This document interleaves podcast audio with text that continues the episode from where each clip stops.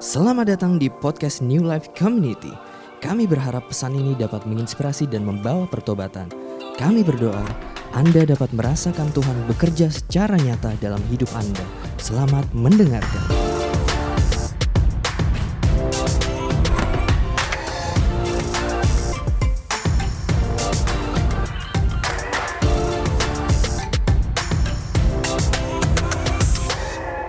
Oke, mari kita berdoa. Bapak kami mengucap syukur Tuhan, kami tahu Engkau pemilik hidup kami.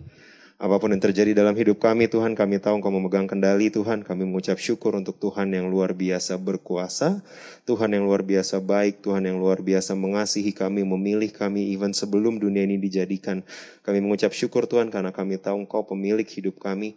Engkaulah yang memegang kendali atas seluruh kehidupan kami, terlepas dari perasaan kami, terlepas dari apa yang kami lihat, terlepas dari apa yang kami rasakan, kami tahu Engkau terus memegang kendali. Kami mengucap syukur Tuhan, kami sebentar akan mendengarkan firman Tuhan, kami siapkan hati dan pikiran kami, biar firman yang disampaikan menjadi eh, sesuatu yang eh, benih yang tertanam dan bisa bertumbuh dan bisa kami aplikasikan dalam kehidupan kami. Terima kasih Bapak, di dalam nama Yesus kami berdoa. Amin. Silakan duduk. Oke, uh, senang ketemu lagi di sini. Uh, saya di kontak sama Mercy untuk pelayanan di hari ini. Um, terakhir saya ke sini di Natal tahun lalu. Saya masih ingat uh, di masa-masa uh, sebelum uh, COVID uh, wave kedua lah ya bisa dibilang sebelum COVID wave kedua. Uh, kita kita beribadah sama-sama dan saya senang sekali bisa balik lagi ke sini Um, shalom semua, uh, senang senang banget ya di tempat saya di GB Sungai Yordan juga kita udah mulai onsite. Um, ibadahnya sudah mulai langsung dan beberapa sudah mulai hadir lagi. Uh, beberapa yang lain mungkin masih ibadah di rumah dan uh, and it's fine. Saya rasa baik-baik di rumah maupun di datang ke tempat langsung. Kalau Tuhan mau berbicara, Tuhan bisa berbicara. Right? Oke, okay, uh, kita mulai uh, di Firman Tuhan hari ini. Judul Oke, okay. judulnya adalah uh, Living Without Limits atau Hidup Tanpa Batasan. Oke, okay. judul uh, khotbah hari ini adalah uh, Living Without Limit atau Hidup Tanpa Batasan. Nah, waktu saya, uh, oke, okay, saya belum tua-tua amat. Waktu saya masih lebih muda, saya selalu berpikir bahwa Living Without Limit atau film Limitless beberapa dari kamu tahu itu mungkin sebuah uh, jargon atau sebuah kiasan yang keren banget sebagai anak muda yang takut Tuhan kita itu seperti tidak ada batasan buat kita dan apa yang kita bisa kerjakan bersama Tuhan. Ya, kerennya gitulah ya. Nah tapi eh, sadar atau nggak sadar, batasan itu tidak selalu jelek. Batasan itu tidak selalu buruk. Apa yang Tuhan berikan, apa yang Tuhan katakan, even di kejadian, waktu waktu Tuhan berbicara sama Adam, semua ini bisa kamu makan, kecuali, betul? Bahkan dari sejak awal Tuhan memberikan batasan buat Adam dan Hawa. Dan kita berpikir bahwa batasan adalah sesuatu yang buruk, batasan adalah sesuatu yang mengekang kita. Kita berpikir, I mean, eh, banyak banyak kali kita berpikir, oh ini misalkan cara paling gampangnya, oh um, lompat-lompat nggak boleh misalkan, oh musik nggak boleh terlalu keras, ini terlalu banyak batasannya nih buat ibadah youth sebagai contoh. Kita berpikir bahwa batasan adalah sesuatu yang buruk. Di rumah, oh kalau tidak weekend nggak boleh uh, nonton di atas dua jam sebagai contoh Nggak boleh pergi sama teman kalau nggak weekend. Kemudian kalau pulang harus jam 9. Dan kita mulai ngerasa, hey, saya sudah 42 tahun gitu misalkan misalkan. Just kidding. Saya saya sudah saya sudah besar kenapa masih diatur atur seperti ini. Dan kita secara umum kita tidak suka yang namanya batasan. Dan kita berpikir oh hidup kita sebagai anak muda we want to live free. Kita mau hidup bebas kita mau hidup tanpa batasan. Tanpa kita sadari sebenarnya hidup tanpa batasan adalah sesuatu yang buruk. Saya kasih dua contoh ekstrim ketika saya saya ambil konteks hidup berjemaat atau hidup sebagai orang Kristen. Kamu adalah orang Kristen, you, whether you like it or not, kamu sudah terima Kristus, kamu ini imago Dei, kamu membawa gambarnya Tuhan ke rumah kamu, ke kantor, ke pelayanan, ke komsel, ke gereja, kamu bawa gambarnya Tuhan. Dan ketika bawa gambarnya Tuhan, ada perangkap yang saya lihat ketika hidup tanpa batas, ketika kita hidup tanpa batasan. Yang satu kita kita tidak bisa membatasi diri, kita tidak mau berkata tidak. Kebayang ya? Mau pelayanan ini nggak bisa kak, siap.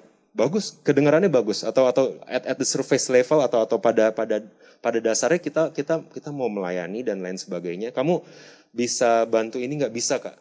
Kamu mau ini nggak mau kak? Mau ini nggak mau? Uh, kamu mau bisa nggak ke, ke tempat ini untuk melayani? Bisa kak. Kamu bisa dengerin dia nggak curhat? Bisa kak. You say yes, kamu berkata iya untuk semuanya. Kamu nggak bisa berkata tidak. Dan apa yang kamu dapati? Capek. Kamu mulai burn out. Kamu mulai merasa, oke okay, saya pelayanan setiap minggu. Apakah kekristenan cuma sekedar pelayanan aja seperti ini? Dan kamu mulai ngerasa latihan lagi, eh, ada yang telat datang lagi, ada yang nggak ngomong terima kasih lagi, ada yang lupa shalomin lagi gitu kan. Kayak, is this it? Apakah hidup Kristen yang bertumbuh itu cuma sekedar pelayanan setiap minggu seperti ini? Dan you you start to feel, kamu mulai ngerasa capek. Atau di sisi lain, dan yang saya lihat ini yang tendensinya lebih banyak di berbagai ibadah muda atau ibadah dewasa muda yang saya lihat setidaknya ada tiga atau empat tempat yang saya lihat perangkap kehidupan yang kita terperangkap setelah pandemi adalah kita tidak mau berkata iya. Right? Lebih enak di rumah. Serius, lebih enak di rumah sambil rebahan. Right? Sambil rebahan dengar firman, firmannya agak lama di di stop gitu. Nggak ada yang tahu. Emang kalau di sini kamu keluar kan diliatin orang kan, wih, wih, wih, belum selesai udah keluar gitu kan. Di rumah nggak ada yang tahu, right? Sambil ngemil, sambil main, nggak ada yang tahu. Kayak kamu nggak nggak mau berkata ya untuk anything. Komsel, aduh komsel nggak nggak ini nih apa Komsel pakai Zoom dua pagi pakai Zoom nggak efektif kak gitu. Oke okay, oke. Okay. Sekarang udah mulai onsite kan. Datang nggak? Nggak juga. Karena we, kita nggak mau berkata, ya selalu lebih nyaman di rumah, selalu lebih nyaman di handphone, selalu lebih nyaman sambil rebahan dan sambil melakukan sesuatu yang kamu mau. Dan dan ini adalah perangkap kehidupan orang Kristen hari-hari ini, terutama anak muda menurut saya. Karena kita terlalu nyaman dengan scroll, swipe, you know, kamu kita sedang diajarin sama dunia uh, untuk kamu ngelihat hanya apa yang kamu suka, bener gak? Kalau kamu buka Instagram atau kamu buka buka TikTok atau sosial media apa pun yang kamu punya, yang kamu pakai, kalau kamu buka itu dan kemudian apa yang kamu lihat di sana ada banyak sekali kan, ada banyak sekali. Kamu nggak suka tinggal geser, kamu nggak suka geser, kamu suka simpan, kamu bosan belum selesai videonya kamu nggak suka scroll. Dan dan mentalitas yang sama dibawa ke gereja. Celakanya teman kamu nggak bisa segampang itu nge-scroll teman pelayanan kamu atau ketua komsel kamu atau ketua youth kamu. Betul? Kamu nggak bisa dengan gampang kayak scroll. Tapi orang yang di rumah akan dengan mudah pendetanya membosankan. Saya nggak tahu ini siapa, just stop. Cari yang lain. Cari gereja lain yang yang online juga dan lebih bagus dan lain sebagainya. It's very easy untuk kita hidup lepas dari komitmen. Dan ketika kita nggak mau berkata ya, kita mulai merasa bahwa kehidupan Kristen ini membosankan. Ya udah, kehidupan Kristen itu cuma satu. Buka Zoom di hari Minggu. Udah. Dan kamu mulai berpikir, apakah kekristenan relevan? Kristen kan, ya saya jadi sebagai orang Kristen, saya yang penting ibadah online. Saya yang penting datang ke gereja, duduk dua jam, selesai. Ini saya orang Kristen. Tapi apakah itu yang Tuhan mau? Apakah panggilan Tuhan hanya sebatas kamu duduk di gereja aja. So ini adalah perangkap kehidupan bergereja. Ketika kita nggak punya batasan, kita nggak mau berkata ya. Untuk anything yang gereja-gerejaan, gereja yang pelayanan kita nggak mau. Saya ya pelayanan buat yang lain deh. Buat Kevas cocok gitu. Buat Kovani cocok. Buat saya, saya aja masih berantakan. Kita cari berbagai macam excuse, berbagai macam alasan untuk tidak berkata iya untuk pelayanan. Atau di sisi, di sisi lain, kita merasa bahwa oh saya dihargai di gereja doang, di luar enggak, di rumah enggak. Jadi saya pelayanan terus dan kamu mulai ngerasa you are burn out, kamu mulai capek dan kamu ngerasa is this it? Apakah kehidupan gereja cuma seperti ini?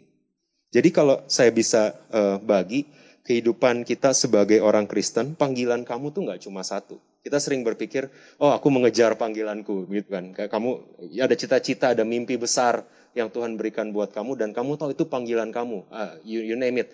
Saya mau jadi businessman, saya mau jadi dokter, itu panggilan saya. Seolah-olah Tuhan cuma panggil di situ aja. Teman-teman tahu nggak? Tuhan panggil di berbagai aspek di kehidupan. Panggilan kamu kamu terlalu canggih buat cuma dipanggil di satu bidang. Kamu terlalu canggih dan terlalu terlalu pintar dan terlalu diurapi untuk kamu cuma dipanggil di satu bidang. Kamu tahu nggak? Kamu kita nggak cuma dipanggil di satu bidang loh. Satu bidang yang paling kita tahu adalah pekerjaan. Oh, saya, oh dia memenuhi panggilannya. Apa artinya? Oh dia lagi lagi apa jadi misionaris gitu ke pedalaman Kalimantan gitu ya. Oh dia memenuhi panggilannya, oh, puji Tuhan ya. Is it, is it? Apakah cuma itu aja yang namanya memenuhi panggilan? Atau sebenarnya panggilan kita itu ada di berbagai aspek. Ada panggilan Tuhan di sisi kerohanian kamu. Ada level kerohanian, ada level spiritual yang Tuhan mau kamu naik lebih lanjut karena itu menjadi fondasi kamu ketika Tuhan angkat kamu naik di kerjaan. Ada waktunya Tuhan pengen kamu membawa kerohanian kamu di level tertentu sampai dia pikir kamu siap. Oke, anak ini udah siap untuk masuk hubungan. Untuk udah siap untuk pacaran. Tapi no, sebelum kerohaniannya di level tertentu, panggilannya dipenuhi di kerohaniannya, jangan, justru berbahaya. Ada lagi yang namanya hubungan. Ada panggilan kita di hubungan. Kamu tahu keluarga kamu di rumah itu bukan kebetulan. Kamu lahir di situ bukan cuma karena ada satu pembuahan sel telur, bukan. Ada rencana Tuhan di situ. Dan panggilan Tuhan bukan cuma kamu jadi anak, enggak enggak. Itu bukan panggilan panggilan Tuhan kamu jadi anak yang memberkati orang tua di rumah. That's the calling. Right? Itu panggilannya. Jadi panggilan kita ada di hubungan, panggilan kita sebagai anak ada panggilan khusus buat kamu di keluarga kamu. Kenapa keluarga lain lengkap, utuh, sehat-sehat aja, baik-baik aja keluarga saya kayak gini? Karena ada panggilan Tuhan di keluarga kamu yang itu. Oke? Oke? Ada panggilan di semua ini. Ada panggilan Tuhan di kepemilikan, ada panggilan Tuhan di keuangan kamu. Kadang-kadang uang kamu bukan buat kamu sendiri. Kamu perlu buka telinga, buka mata, lihat sekeliling di gereja, di komsel. Oh, kok Tuhan gerakin saya kasih ke dia ya? Exactly. Itu panggilan Tuhan. Karena apa yang kamu punya, kadang-kadang kamu cuma jadi saluran berkat Tuhan. Tuhan titipin ke kamu, supaya kamu bisa berikan ke orang lain. Right? So ada panggilan di semua ini. Ada panggilan personal juga. So secara personal karakter kamu bertumbuh, ada panggilan juga. Tapi masalahnya yang saya temui adalah percentage yang saya kasih di sini adalah persen saya sendiri. Saya ngerasa setelah WFH, kerja di rumah, sekolah di rumah, ibadah di rumah, lebih banyak me time yang kita habiskan adalah untuk personal, benar gak? Saya suka nonton, kalau tadinya sebelum pandemi cuma dua episode per hari, pas pandemi bisa dua serial gitu per hari gitu kan. Misalkan, ayo, ya nggak nggak nggak di sini nggak di sini. Kalau sebelumnya push rank cuma bisa sekali, karena di rumah nih sekolah juga di rumah kan, kuliah di rumah kan, oh ini kita bisa sepanjang malam. Cek, cek. Oke, kedengeran ya? Oke, nah kita mulai ngerasa, saya, saya mulai ngerasa, saya sendiri mulai ngerasa bahwa banyak waktu yang saya habiskan adalah untuk kepentingan saya sendiri, karena ada ada ada batasannya. Karena kamu nggak boleh ketemu orang satu setengah tahun terakhir, betul? Kamu nggak boleh komsel, kamu nggak boleh doa bareng, kamu nggak boleh gereja duduk sama-sama, kamu jadi di rumah. Yang kamu pikirkan setiap hari, yang kita pikirkan tiap hari, yang kita penuhi kebutuhannya tiap hari adalah diri kita sendiri. Dan sadar apa nggak sadar, tendensi kita semakin egois itu semakin tinggi. Ini sangat kelihatan, menurut saya sangat kelihatan di kehidupan bergereja. Kalau sebelumnya kamu melayani orang lain, sebelumnya kamu kamu at least kamu bilang shalom dan tanya kabar orang lain. Pertanyaannya apakah kamu lakukan itu ketika kamu nggak ketemu mereka? Right? Sulit. Jadi banyak banyak yang kita habiskan justru untuk diri kita sendiri. Padahal panggilan Tuhan bukan cuma untuk personal. Panggilan Tuhan bukan cuma untuk kepentingan diri kita sendiri. Nah ini yang menarik. Karena hidup tanpa batasan cenderung membuat kita hidup demi kepentingan diri sendiri. Saya lagi mau jalan-jalan. Saya lagi mau nabung buat beli game. Saya lagi mau menghabiskan waktu untuk nonton another serial yang saya mungkin gak terlalu suka. Tapi daripada saya dengerin orang. Eh bener ya, jujur. Lebih enak dengerin teman curhat yang itu-itu aja apa lebih enak nonton? Oke, okay, gampang lah ya. lebih enak nonton kan? Karena akan selalu lebih nyaman, akan selalu lebih nyaman untuk mementingkan kebutuhan diri sendiri. Padahal sebagai orang Kristen panggilan kita bukan cuma untuk memenuhi kebutuhan diri sendiri. Tuhan nggak mati di atas kayu salib cuma supaya kamu puas dan punya kehidupan yang kamu pengen doang. Bukan cuma itu. Iya ya, Bener betul, ada rancangan Tuhan buat kamu personal, betul, ada panggilan Tuhan buat kamu jadi versi yang lebih lebih serupa sama Kristus, lebih lebih uh, berdampak, betul, betul. Tapi panggilan Tuhan bukan cuma itu. adalah ada panggilan Tuhan di hubungan kamu, ada panggilan Tuhan di kerjaan kamu, ada panggilan Tuhan di pelayanan kamu dan lain sebagainya. Tapi hidup tanpa batasan membuat kita hidup demi kepentingan diri sendiri. Nah, yang saya alami, yang saya amati adalah kita biasanya uh, ketika kita datang ke Tuhan, kita nggak kita nggak berpikir tentang orang kita nggak berpikir tentang orang lain tapi kita berpikir tentang diri kita sendiri. Contohnya kita bertanya Tuhan saya harus apa supaya saya bisa punya terobosan di pelayanan di kerjaan supaya saya bisa punya terobosan di hubungan supaya saya punya, punya bisa bisa punya terobosan di apa lagi di penghasilan betul Tuhan apa yang harus saya lakukan supaya saya dapat terobosan yang saya mau di bidang-bidang ini Betul? Tuhan kasih saya hikmat dong, saya mesti apa nih biar saya promosi. Itu, sorry, itu seolah-olah berdoanya ke Tuhan, kamu sadar nggak itu fokusnya di siapa? Di diri kita sendiri. Tuhan apa yang saya harus lakukan supaya saya bisa punya pacar? Tuhan apa yang harus saya lakukan supaya saya bisa menikah? Tuhan apa yang harus saya lakukan supaya pelayanan saya maju? Tuhan apa yang saya harus lakukan supaya saya promosi? All of that berfokus di diri kita sendiri dan kita mulai berdoa, kita mulai tahu, oh uh, dengar dengar istilah-istilah rohani, tahu ada kairos, ada kronos. Oh, kronos tuh waktu yang jam, kairos itu waktunya Tuhan mengintervensi. Kita berdoa, Tuhan kapan Tuhan bertindak dan mengintervensi hidup saya yang membosankan ini? Tuhan kapan Tuhan berikan saya mujizat dan terobosan di karir saya? Tuhan kapan Tuhan berikan mujizat dan terobosan di pelayanan saya, di pekerjaan saya? Dan kita berpikir, dan kita berpikir bahwa oh, terobosan itu kita Tuhan itu perannya hanya menjawab apa yang kita mau. Padahal kalau kita lihat lebih lanjut sorry. Kalau kita lihat lebih lanjut, ada perubahan perspektif yang kita butuhkan. Ada perubahan perspektif yang kita butuhkan.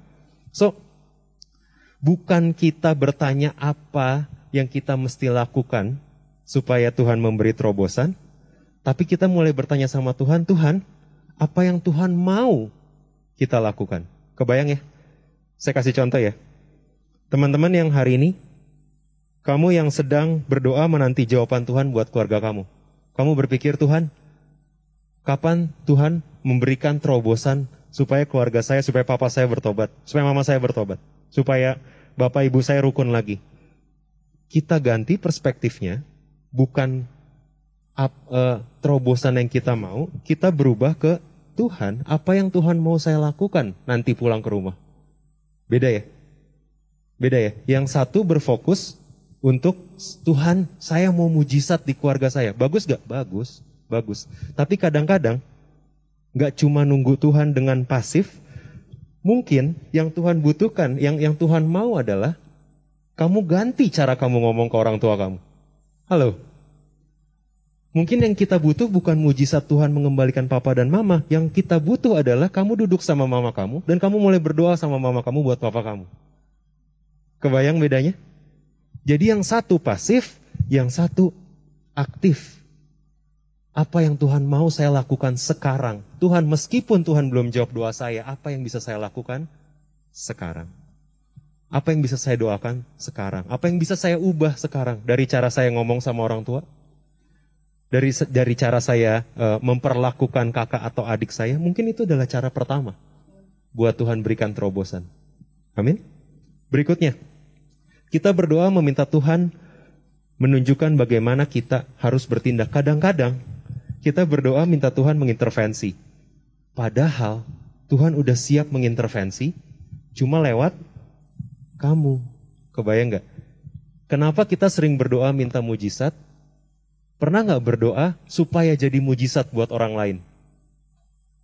Kebayang? Kadang-kadang kamu berdoa minta mujizat dari Tuhan dan dan, dan itu oke-oke aja, tapi perubahan perspektif yang saya sebut adalah kamu berdoa supaya kamu bisa menjadi mujizat buat orang lain. Ketika Tuhan belum bisa menjawab doa, belum menjawab doa kamu, jangan-jangan kamu harus menjadi jawaban doa buat orang lain dulu. Dan ini nggak bakal ketemu selama kita berfokus pada diri sendiri. Betul? Jadi gini, kamu gak pernah tahu bahwa Tuhan bagaimana saya harus bertindak, siapa yang bisa saya tolong hari ini? Siapa yang butuh? Kamu gak bisa, kamu yang di rumah, kamu kehilangan kesempatan untuk untuk bisa kayak melihat, oh kayaknya teman saya yang itu lagi butuh didoain deh. Yang datang di sini bisa. Karena kamu lihat dia dari tadi pas PW kok kayak sedih ya. Itu momen kerohanian kamu dan Tuhan menggerakkan kamu untuk mengintervensi hidup dia menjadi perpanjangan tangannya Tuhan. Nangkep? Jadi Kristen itu bukan Kristen konsumerisme, datang nunggu nunggu nunggu doa doa. Kalau kalau doanya di ibadah yang itu lebih cepat dijawab gitu kan. Terus kamu pindah gitu ke ibadah sana. Enggak enggak enggak. Kekristenan adalah menjadi jawaban doa buat orang lain. Dan untuk menjadi jawaban doa buat orang lain, kamu perlu hadir, perlu be present, bukan cuma datang sebagai ibadah duduk hari Minggu, kamu perlu aware, lihat kanan kiri kamu, siapa yang perlu saya traktir, batagor entar pulang. Got it? That is Christianity. Itu komunitas. Itu itu berjemaat. Bukan cuma soal uh, mana yang uh, suara suaranya paling suara PW-nya paling bagus, bukan cuma soal siapa yang uh, layarnya paling keren. No no no, kehidupan berjemaat adalah mengasihi satu sama lain. Oke? Okay? Kita sering berpikir bahwa Tuhan kalau aja kita lagi di musim penantian, beberapa dari kita mungkin kamu berpikir kamu di musim penantian, kalau Tuhan kasih terobosan buat kerjaan saya, udah udah yang penting Tuhan, saya yang penting uh, dapat kerjaan itu. Kalau saya dapat itu udah, saya akan jadi berkat buat seluruh dunia. Tuhan yang penting saya punya pacar. Kalau saya punya pacar udah udah, saya nggak bakal minta apa-apa lagi Tuhan. Kita kadang berpikir apa yang kita syukuri ada di depan sana, betul? Padahal kalau kita lihat Ayub, di Ayub kamu kita bisa sadar, saya saya baru sadar waktu baca Ayub ini bahwa hey, bahkan hari ini di keadaan kamu yang mungkin kamu berpikir nggak ada yang bisa kamu syukuri, Tuhan masih bekerja loh. Tuhan tetap bekerja. Bahkan keadaan kamu yang sekarang, bulan November 2021, masih duduk di sini, setelah melalui bulan Juli kemarin yang mengerikan di Indonesia, hei tahu nggak Tuhan tuh proteksinya sempurna buat kamu. Apakah kita pernah bersyukur dan bilang, hei Tuhan, kalau keadaan kemarin yang begitu gila di Jakarta dan Tuhan luputkan saya dan keluarga saya atau kalaupun kena tapi saya masih mendapati hari ini saya duduk dan dengarkan firman saya tahu belas kasihan dan proteksimu ada buat saya. So ini akan menimbulkan pengucapan syukur. Oke, saya kasih contoh di Ayub 1. Ayub 1 ceritanya si ada si iblis lagi datang ke Tuhan. Tuhan bertanya pada iblis, apakah engkau memperhatikan hambaku Ayub? Sebab tiada seorang pun di bumi seperti dia, yang demikian saleh dan jujur, yang takut akan Allah dan menjauhi kejahatan. Lalu jawab iblis kepada Tuhan, apakah dengan tidak mendapat apa-apa, Ayub takut akan Allah? Bukankah engkau yang membuat pagar sekeliling dia dan rumahnya serta segala yang dimilikinya? Udah ya? Sering baca kan ya ayat ini? Udah. Sepertinya cuma lewat gitu aja. Teman-teman sadar gak? Waktu iblis bertanya, bukankah engkau yang membuat pagar sekeliling dia dan rumahnya dan segala yang dimilikinya? Pertanyaan saya teman-teman. Iblis tahu dari mana? Kalau Tuhan memagari Ayub. Ayub. Iblis tahu bahwa Tuhan memagari Ayub karena iblis udah berusaha nyerang. Tapi nggak bisa karena Tuhan memagari Ayub. Iblis udah berusaha menggunakan apa yang dia punya, pakai strategi dia buat nyerang Ayub, tapi nggak bisa. Satu, karena Ayub berdoa, kalau kamu baca di ayat-ayat sebelumnya. Kedua, karena Tuhan memagari Ayub. Teman-teman sadar gak? Hari-hari ini, kamu ya, nggak ngapa-ngapain aja, iblis tuh mau nyerang kita loh. Iblis tuh mau nyerang keluarga kamu. Karena kamu cukup berbahaya nih. Masih muda, udah pelayanan, udah denger firman, udah udah cari Tuhan, ini agak bahaya. Kalau saya serang dari sisi gebetan, kalau saya serang dari sisi manajer, kalau saya serang dari sisi orang tua, ini pasti ini anak bisa kena. Tapi kalau kamu mendapati semuanya itu hari ini baik-baik aja, jangan-jangan Tuhan juga memagari kamu. Kayak Tuhan memagari Ayub. Padahal nggak pernah berdoa. Tahu kan? Padahal saya nggak pernah berdoa. Tuhan pagari saya dulu lah, dulu dulu doa kayak gitu. Mungkin sekarang kamu nggak pernah doa, tapi tahu nggak? Jangan kesehatan yang kamu punya hari ini. Itu sebenarnya mau di-attack sama iblis. Tapi ada Tuhan yang memagari kamu. Bukankah hal ini yang harusnya bikin kita mengucap syukur? Amin. Pertanyaan saya, belas kasih atau mercy? Belas kasih adalah kamu tidak menuai apa yang kamu tabur. Teman-teman, seberapa banyak dari kamu yang hari ini mengetahui bahwa kamu nggak nuai dari dosa yang kamu tabur selain saya? Ada kayak saya tahu Tuhan saya berdosa, tapi kok nggak ada konsekuensinya ya? Jangan-jangan karena mersinya Tuhan masih ada buat kamu. Dan jangan bermain-main dengan kepanjang sabarannya Tuhan. Tapi kalau kamu nggak menuai apa yang menjadi dosa hobi, dosa favoritnya kamu, jangan-jangan karena Tuhan masih memagari kamu. Masih ada mercy dari Tuhan yang selalu baru setiap hari. Bukankah kita harusnya bersyukur buat mercy dan grace yang seperti itu? Grace adalah kamu kamu menuai apa yang kamu tidak tabur. Mercy adalah kamu tidak menuai apa yang kamu tabur. Kamu nabur kurang ajar sama orang tua. Someday kamu punya anak, kok baik banget ya? Itu mercy artinya, right? Karena harusnya ada tabur tuai. Kamu kamu menabur nggak pernah ngurusin duit asal-asalan, utang sana utang sini, uh, konsumerisme, eh, nggak punya duit tapi pinjam terus bayar. Kamu mendapati ada pandemi tapi kamu kok baik-baik aja. Kamu nggak menuai apa yang kamu tabur, itu adalah mercy dari Tuhan. Bukankah kita bahkan ya, saya tahu kamu kamu ke depan saya saya dua tahun lagi tiga tahun lagi mungkin mau menikah mau punya anak kamu dua tiga tahun lagi mau masuk ke perusahaan itu kamu dua tiga tahun lagi mau bikin bisnis sendiri kamu mau pelayanan yang sekeren ini you know bahkan sebelum sampai sana hari ini pun ada hal yang bisa kamu syukuri karena mercy-nya Tuhan yang selalu baru amin amin so hidup tanpa batasan membawa kita pada kecemasan karena nggak akan pernah ada akhirnya. Ketika kamu berlomba-lomba untuk jadi yang lebih uh, terkenal, kamu berlomba-lomba untuk mendapat follower yang lebih banyak, ketika kamu berlomba-lomba untuk punya posisi yang lebih tinggi, sekolah yang lebih jauh, pacar yang lebih cantik, pacar yang lebih ganteng, nikah yang lebih keren, itu tidak akan membawa kita pada kepenuhan dan pengucapan syukur. Tapi hidup berfokus sama Tuhan, hidup berfokus pada oke, okay, apa yang Tuhan mau. Hidup pada Tuhan membawa pada fulfillment dan pengucapan syukur. Meskipun kalau dibandingin ya, kamu mungkin kok nggak sesukses teman kamu sih? Ayo. Ya, ada yang ngerasa kayak gitu? Mungkin orang tua dari tatapannya kamu tahu kamu kok nggak sepinter koko kamu atau kamu nggak sepinter kakak kamu, abang kamu, adik kamu kenapa bisa pinter? Kenapa kamu nggak ngerti-ngerti? Kamu dari tatapannya kamu tahu, you know, you know that. Tapi guess what? di depan Tuhan, selama kita menjalaninya sama Tuhan, kita nggak pernah worry, kita nggak pernah minder, yang ada hanya fulfillment, ngerasa penuh, dan pengucapan syukur. Karena hidup ini bukan berlomba sama orang lain, bukan berlomba sama teman kampus kamu, bukan berlomba sama kakak kamu, adik kamu. No, panggilan kamu unik. Apa yang Tuhan, talenta yang Tuhan berikan sama kamu unik. Oke? Okay? So itu, kepenuhan dan pengucapan syukur. Saya masuk ke 1 Petrus 4. 1 Petrus 4. Uh, eh, so, kalau kita harus hidup sebagai orang Kristen, bagaimana seharusnya kita hidup? 1 Petrus 4, 1 Petrus 1 dan 1 Petrus 2 berbicara soal identitas orang Kristen. 1 Petrus 2 sampai 4 berbicara tentang apa yang orang Kristen harus lakukan. Please baca sendiri di rumah 1 sampai 4. Di 1 Petrus 4 ada yang menarik. Saya akan uh, tutup dengan tiga hal ini. 1 Petrus 4 ada yang menarik. Kesudahan segala sesuatu sudah dekat. Karena itu, kuasailah dirimu dan jadilah tenang supaya kamu dapat berdoa. Di ayat 8 ditulis, yang terutama, kasihilah sungguh-sungguh seorang akan yang lain, sebab kasih menutupi banyak sekali dosa.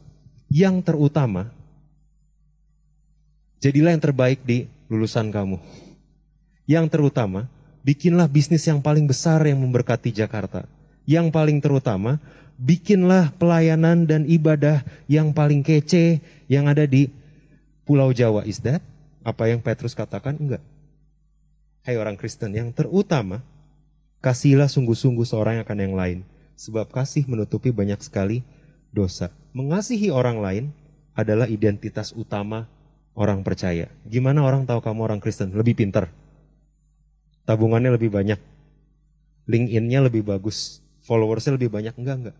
How do people know kamu orang percaya? Karena kamu mengasihi orang lain bahkan yang tidak patut dikasihi. Karena kasih menutupi banyak sekali dosa. Kasih harus menjadi dasar buat pelayanan kita. Kamu melayani di sini, kamu melayani di Komsel, dasarnya apa? Kalau dasarnya cuma talenta, orang akan mulai ngejauh dari kamu karena talenta di luar banyak yang lebih keren. Kalau kalau orang duduk di gereja cuma mau dengar musik yang bagus, di luar banyak yang musiknya lebih bagus. Love yang nggak ada di sana. Love antar pelayan, love antar jemaat itu yang nggak ditemui di mana-mana di luar kekristenan. Oke? Okay? Ketiga, kasih adalah bukti pertumbuhan rohani, bukan karunia.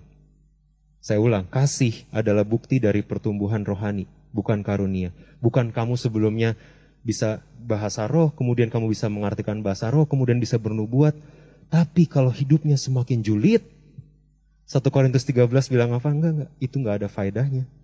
Faedah terutama pertumbuhan rohani yang paling kuat adalah dilihat dari kasih ketika ada orang yang nyakitin kamu di gereja dan kamu memutuskan untuk saya putuskan untuk mengampuni dia karena saya terima treatment yang sama dari Yesus.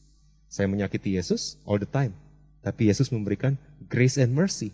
Ketika ini saya teruskan ke orang lain, ini adalah bukti pertumbuhan rohani. So ini yang pertama. Yang kedua, berilah tumpangan seorang akan yang lain dengan tidak bersungut-sungut membantu, menguatkan, mendengarkan orang lain adalah hal yang perlu dilatih. Hey guys, nggak ada yang hobinya ngedengerin curhat orang lain, nggak ada. Kamu talentanya apa? Oh saya dari kecil suka dengerin orang. Nggak ada, nggak ada. Nggak ada. Itu perlu sesuatu yang perlu dilatih, sabar gitu ya. Ini udah cerita ya, muter, muter, muter, muter, udah 40 menit gitu kan, nggak bayarin makan lagi gitu kan. You know, itu adalah hal yang perlu di, dilatih. Beri tumpangan hari ini artinya adalah beri telinga kamu, beri mungkin uang kamu, beri doa kamu buat orang-orang ini. Dan kamu gak akan pernah ketemu. Kalau kekristenan cuma sekedar ibadah online dan ibadah duduk dua jam di hari minggu. Oke, beri tumpangan orang lain adalah hal yang perlu dilatih. Kairos tadi saya sudah sampaikan, momen di mana Tuhan memakai kamu. Hei, teman-teman, saya nggak, saya saya yakin banyak di antara kamu yang mungkin nggak full time di gereja. Kamu tahu nggak di kantor dan di kampus itu adalah tempat kairos momennya Tuhan terjadi lewat kamu loh. Teman kamu yang baru patah hati, yang yang ngepostnya galau, itu daripada dijulitin, lebih baik di, di, di traktir Indomie goreng. Dan kamu berdoa buat mereka, seriously, seriously. Soalnya saya saya waktu di saya waktu patah hati waktu kuliah, mentor saya jemput saya dan kemudian kami makan Indomie goreng. Itu Indomie goreng terenak yang nggak pernah saya lupakan. You know, momen saya hancur dan turning point saya cuma sekali. Dan waktu saya hancur ada orang Kristen yang mentorin saya, menemui saya di, di kedai Indomie dan berdoa buat saya. Guess what? Kamu ke kantor bukan cuma buat kerja dan cari uang. Kamu sekolah bukan cuma buat dapat nilai bagus. Kamu perlu cari momen-momen ini. Teman kamu yang perlu doa kamu, perlu telinga kamu. That's how we become Christian. Saya tutup dengan ini. 1 Petrus 4 ayat 10. Layanilah seorang akan yang lain sesuai dengan karunia yang telah diperoleh tiap orang sebagai pengurus yang baik dari kasih karunia Allah. 1 Petrus 4 ayat 10 bacanya apa? Kefas, layanilah seorang akan yang lain. Is it? Kak Fani, lulusan sekolah teologi ya, layanilah seorang akan yang lain. Is it? Enggak, enggak. Semua layanilah seorang akan yang lain sesuai dengan karunia yang diperoleh sebagai pengurus yang baik dari kasih karunia Allah. Nggak peduli kamu ngorok aja fals, misal, misal, misal. Ya, kamu nggak bisa nyanyi, kamu nggak bisa main musik. Hey, karunia Tuhan nggak cuma sebatas yang di mimbar, guys.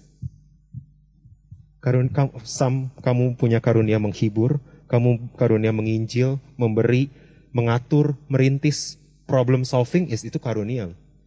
Bernubuat, discerning, membedakan, coaching, mentoring, karunia berbicara, hei ada banyak karunia dan ini gak diberikan kepada kamu untuk dikubur. Teman-teman, ini diberikan untuk kamu bisa melayani satu sama lain. Oke? Setiap orang percaya diperlengkapi dengan karunia Allah.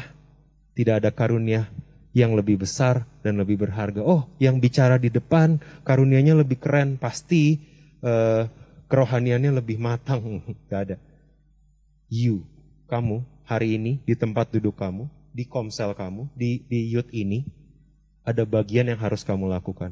Ada karunia yang Tuhan sudah berikan sama kamu bukan buat dikubur, tapi buat di berikan sebagai serving and loving teman-teman yang lain. Oke? Terima kasih sudah mendengarkan podcast ini. Kami berdoa Anda diberkati melalui pesan yang telah disampaikan. Mari sapa kami melalui Instagram @newlifec dan bagikan pesan ini supaya lebih banyak orang yang diberkati.